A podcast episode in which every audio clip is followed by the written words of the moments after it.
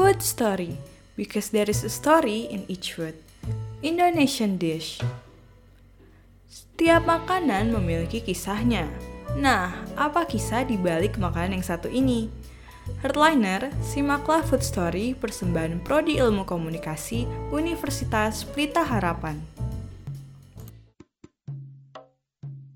Ketupat Menurut catatan sejarah, ketupat pertama kali masuk pada masa Sunan Kalijaga di Pulau Jawa sekitar abad ke-15.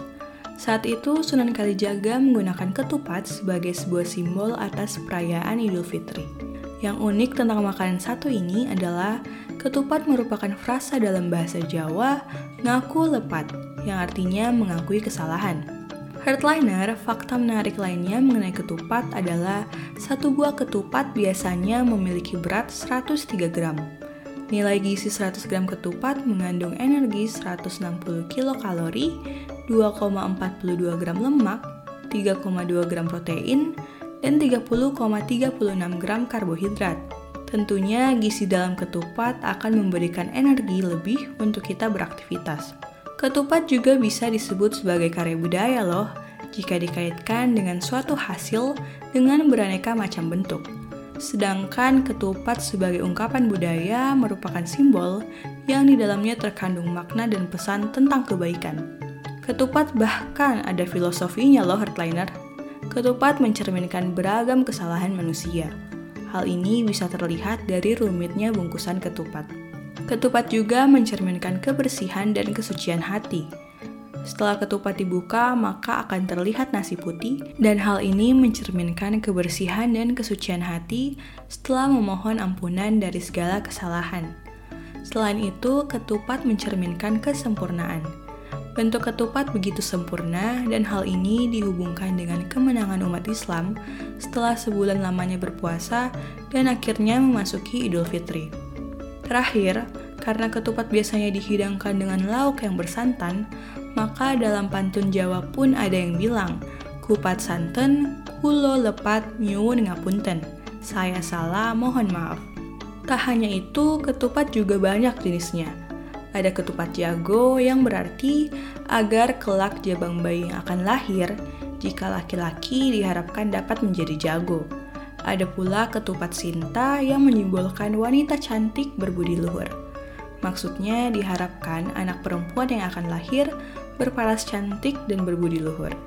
Sementara ketupat Sidolunggu memiliki keyakinan bahwa pada kehamilan 4 bulan, Tuhan Yang Maha Esa meniupkan roh pada si jabang bayi, sehingga jabang bayi diberikan kedudukan Sidolunggu sebagai manusia kecil. Jenis ketupat yang terakhir adalah ketupat luar, yang berarti lepas atau keluar. Maksudnya, lepas atau keluar mengarah kepada agar kelak jabang bayi dapat lahir dengan mudah dan selamat. Di Indonesia memiliki beragam suku dan budaya yang mempengaruhi preferensi makanan setiap wilayahnya. Berikut beberapa cara menikmati ketupat dari beberapa wilayah di Indonesia. Di Pulau Jawa ada berbagai jenis ketupat yang disajikan dengan berbagai lauk berdasarkan masing-masing daerah. Jawa Tengah memiliki makanan khas yaitu ketupat sumpil. Ketupat ini berbentuk segitiga dengan ukuran kecil dan bisa dinikmati dengan sayur atau parutan kelapa.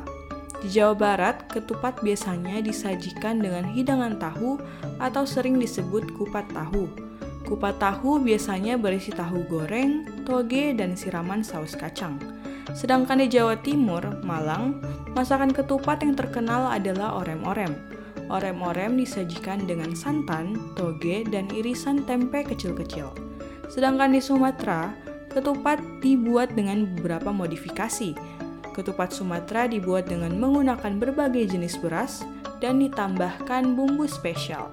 Beberapa variasi ketupat Sumatera adalah ketupat bare, katan kapau, palas, dan sipulut.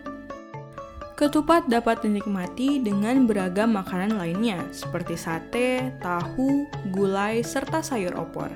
Jadi lapar nggak nih Heartliner? Yuk makan ketupat sama-sama, tapi di rumah masing-masing ya.